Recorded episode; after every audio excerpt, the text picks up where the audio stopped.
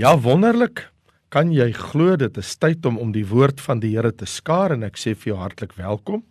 En dit is 'n kosbare voorreg vir my ek wat vandag met jou kan praat uit die woord van die Here. Nou, ons is besig met ons reis deur die evangelie van Johannes of volgens Johannes, die evangelie skrywer. En die tekste wat ek graag onder jou aandag wil bring hier in Johannes hoofstuk 1 by die inleiding tot die boek is waar hy in vers 4 en 5 sê wat Christus betref, in hom was lewe en die lewe was die lig van die mense. En die lig skyn in die duisternis en die duisternis het dit nie oorweldig nie. Vanaf vers 9, die waaragtige lig wat elke mens verlig, was aankom in die wêreld. Hy was in die wêreld, die wêreld het deur hom ontstaan en die wêreld het hom nie geken nie. Hy het na sy eiendom gekom en sy eie mense het hom nie aangeneem nie. Maar almal wat hom aangeneem het, aan hulle het hy mag gegee om kinders van God te word, aan hulle wat in sy naam glo. Wat 'n kosbare, kosbare, kosbare woord. En dit is in hom was die lewe en die lewe was die lig van die mense. Dit is sodat my en jou geestelike visie want ek wil met jou praat oor Christus die lig. Ons geestelike groei en geestelike visie is onlosmaaklik verbonde met die grootte van ons visie van Christus. Dis wanneer ons die volheid en heerlikheid van Christus in die skrifte aanskou dat ons verdiep in ons geestelike lewe. Ek en jy het nodig om te verstaan alle dinge het deur hom ontstaan. En sonder hom het nie een ding ontstaan wat ontstaan het nie sê Johannes in Johannes 1 vers 3 in ander woorde Christus is dit wat die hele skepping onderhou. Dit is hy wat alles gemaak en geskaap het.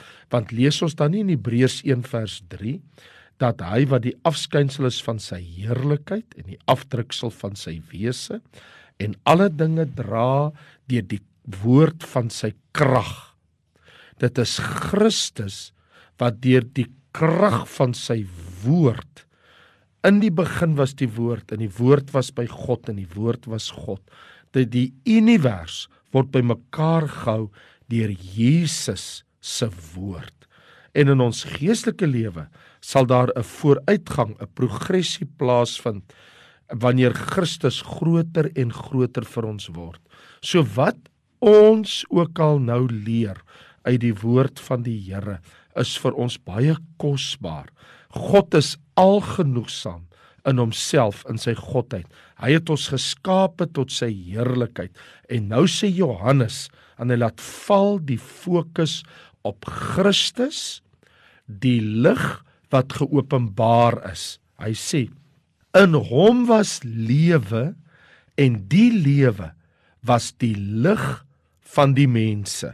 En sê hy, en die lig skyn in die duisternis. In vers 9, die waaragtige lig wat elke mens verlig, was aankom in die wêreld. So die skrifte leer dat lig is nie net geestelik van aard nie, daar is 'n fisiese eienskap oor die lig, net soos wat Moses begeer het om die Shekinah heerlikheid, die lig van God te sien. Hy is toegelaat om God net van agter te sien. En watter impak het dit nie op hom gemaak nie. As ek en jy gaan kyk na 2 Korintiërs 3 vers 7, dan sien ons waar Paulus sê dat die mense kon nie in Moses se gesig kyk nie. So was die lig op hom. So was die effek van die lig op Moses en hy het God net van agter gesien. So hier in die Nuwe Testament vind ons was dit Petrus, Jakobus en Johannes in Matteus hoofstuk 17 vers 2 op die berg van verheerliking wat gesien het hoe Christus voor hulle verander. Daar staan en hy Christus het voor hulle Petrus, Jakobus en Johannes van gedaante verander en sy aangesig het geblink soos die son en sy klere het wit geword soos die lig. So daar is 'n fisiese element van God se heerlikheid, Maar dit is nie waarvan Johannes hier in Johannes hoofstuk 1 praat in hierdie verse wat ek gelees het. Hy praat hier oor Christus wat die geestelike lig is. Wanneer hy sê in vers 4 in hom was lewe en die lewe was die lig van die mense. Die lewe gewende lig Christus het verskyn om 'n wêreld verlore in duisternis te red. Ek weet nie of jy daarvan bewus is nie, maar gedurende die Tweede Wêreldoorlog wanneer daar 'n soos hulle dit genoem het, 'n blackout was, 'n totale donkerheid in 'n dorp of in 'n stad. Niemand, niemand mag 'n liggie aan hê nie. Elke lig moet heeltemal bedek wees dat as iemand aan die buitekant is, dat hulle glad nie kan sien dat daar 'n lig in 'n plek is nie. So in Londen was die vleeniers wat vanuit die lug gekyk het op 'n blackout aand wanneer dit 'n helder skoon wolkenag was. As iemand in Londen 'n vuurhoutjie getrek het aan die buitekant om 'n vuur aan te steek of om 'n sigaret aan te steek, dan kon hulle dit tot 30 km ver uit die lug uit sien. 'n Vuurhoutjie lig uit die lug uit uit 'n vliegtyg op 'n helder wolkenag. Jy kan nie lig wegsteek nie. En die effek van Christus se lig, die Bybel sê, die waaragtige lig wat elke mens verlig was aankom in die wêreld. Dit is die Here wat aan elke mens kan lig gee. Maar soos Paulus tereg sê in Romeine 1:20 dat die mens onderdruk die lig maar hulle het geen verontskuldiging nie. Hulle kan nie ontken nie. Die lig is geopenbaar. Dis die punt wat Johannes hier maak in Johannes 1 ten eerste. Die lig het verskyn in die wêreld en in hom was lewe en die lewe was die lig van die mense en die lig skyn in die duisternis. So sy eerste punt het hy duidelik gemaak, die lig van God het gekom in die wêreld in Christus. Dan maak hy 'n tweede punt. Hy sê Christus die lig is verwerp. Die mense wil nie die lig sien nie. Vers 10 en 11. Hy was in die wêreld Die wêreld het deur hom ontstaan en die wêreld het hom nie geken nie.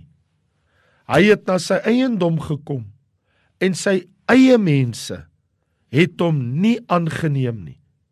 So op die vraag hoe was die lig Christus ontvang? Hy was nie ontvang nie. Jesus was in die wêreld wat hy geskaap het en die wêreld het nie geweet wie hy is nie nie eens sy eie mense die volk Israel vers 11 hy het na sy eiendom gekom en sy eie mense Israel het hom nie aangeneem nie dit laat my dink aan 'n verskriklike ding wat gebeur het etlike jare gelede in 'n baie baie arm familie in die depressie jare het 'n stukkie land wat hulle bewerk het wat hulle op gewoon het het hulle dit bitter swaar gehad, maar het net een seun gehad in die familie. En sy ouers wat bitter arm was, het die beste vir hom begeer. Hulle skraap toe alles bymekaar wat hulle het en hulle stuur hom college toe om te studeer. En nadat hy meer as 'n jaar weg is, toe besluit sy ouers omdat hulle hom nie gesien het in die jaar, omdat hulle hom so liefhet en omdat hulle hom so baie mis om hom te gaan sien, om hom te gaan besoek. So, hulle gaan toe na die college toe en hulle moes maar eers weer elke sent opspaar, verkoop sekere karrige goedjies, maak geld bymekaar dat hulle nou kan gaan en uiteindelik gaan hulle toe nou na die college kampus. En so arm as wat hulle is met hulle arm klere, staan die vader en die moeder daar. Soos dit maar is, die armstes onder die armes. En toe sien hulle van ver af hulle seun saam met ander seuns. En die vader hardloop na die seun toe. Hy sê seun, seun, hier is ek, jou vader, roep hy uit. En die seun kyk na sy vader sonder enige erkenning En weer sê die Vader: "Seun, dit is ek, ek en jou moeder. Ons het jou kom sien." En die seun was baie verleen, geëmbariseer deur sy vermoënde vriende wat daar om hom staan en sy ouers se armoede wat hy nou hier kyk en hy draai na sy vriend hy sê ek weet nie wie hierdie mense is nie. Hoe verskriklik. Hoe hartverskeurende om so iets aan jou eie ouers te doen. Hoe verskriklik hartverskeurende dat toe Christus wat die wêreld en alles gemaak het, toe hy verskyn het, staan hier. Hy het na sy eiendom gekom en sy eie mense het hom nie aangeneem nie. Verwerp deur sy eie. Hulle het hom nie ontvang nie. En Christus in trane op 'n stadium sê Jerusalem, Jerusalem, hoe dikwels wou ek julle bymekaar maak soos 'n hen haar kuikens, maar julle wou nie. Maar God dank Johannes se getuienis oor Christus eindig nie hier nie, waar hy ten eerste gesê het die lig is geopenbaar en nou vir ons sê maar die lig is verwerp. Kom hy ten derde en hy sê in vers 12 Maar daar is hulle wat hom ontvang het, die lig aan almal wat hom aangeneem het. Aan hulle het hy die mag gegee om kinders van God genoem te word. Wat 'n kragtige, wat 'n geweldige stelling wat gemaak word. Nie almal het Christus verwerp nie. Daar is hulle wat gereageer het en die gevolge is goddelik. Aan almal wat hom ontvang het. Aan almal wat hom nie verwerp het nie. Aan almal wat hom aangeneem het. Ek en jy moet hierdie met ons hele hart vashou. Om 'n kind van God te wees. Hy sê aan almal wat hom aangeneem het, het hy mag gegee om kinders van God genoem te word. So om 'n kind van God te wees, beteken ek kan God Vader noem. Weet jy dat voordat Jesus die lig gekom het, was so iets net nie moontlik nie. In die Ou Testament is God wel Vader genoem in sy verhouding met Israel 14 keer en net een of twee was in 'n intieme sin. In die Nuwe Testament word vandag vir ons geleer dat Christus die lig is en dat ons deur Christus kan uitroep Abba Vader. Galasiërs 4 en Romeine 8 sê met hierdie uitroep ons kan sê ons hemelse Vader. Abba Vader. God het alles so eenvoudig gemaak. Let mooi op vers 12 aan almal wat hom aangeneem het, aan hulle wat in sy naam glo. Al wat ek en jy moet doen is ons moet waarlik waar glo in die naam van Jesus. Ons moet glo in Jesus die lig. Ons moet aanvaar Christus as die lig en die woord sê wie hom aangeneem het het hy mag gegee om kinders van God te word. Die een wat 10 oktillion sterre geskaap het en elkeen ken by sy naam. Ek weet nie of jy weet hoeveel is 'n oktillion nie. 'n Oktillion is die getal, kom ons sê in hierdie geval praat ons nou van 10, 10 met 27 nulle daar agter. Wat 'n verskriklike getal. En die een wat hierdie sterre geskaap het volgens sterrekundiges is daar ten minste 10 oktillion sterre. Die woord sê en die Here sê ek ken elkeen se naam.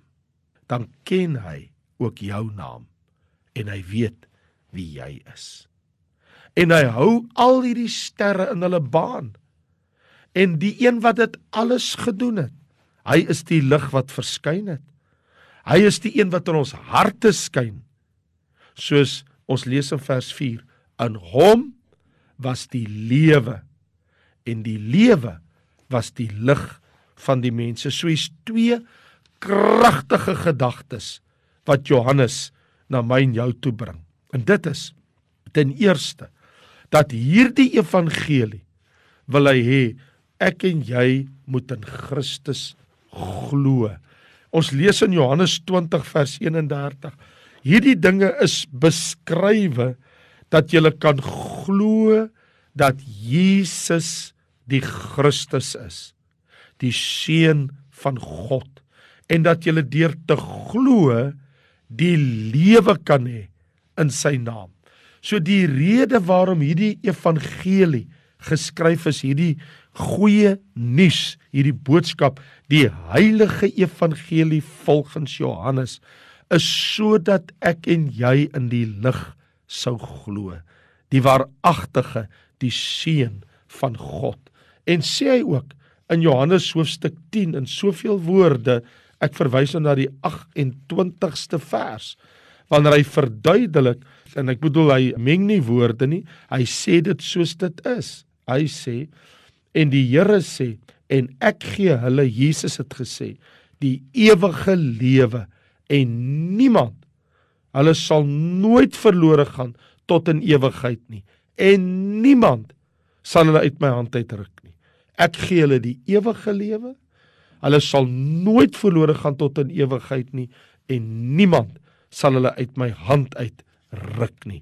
So duidelik dat hierdie evangelie is geskrywe dat ons kan glo en die wat glo wat hom aangeneem het sal nooit uit sy hand geruk word. Johannes 12 vers 46.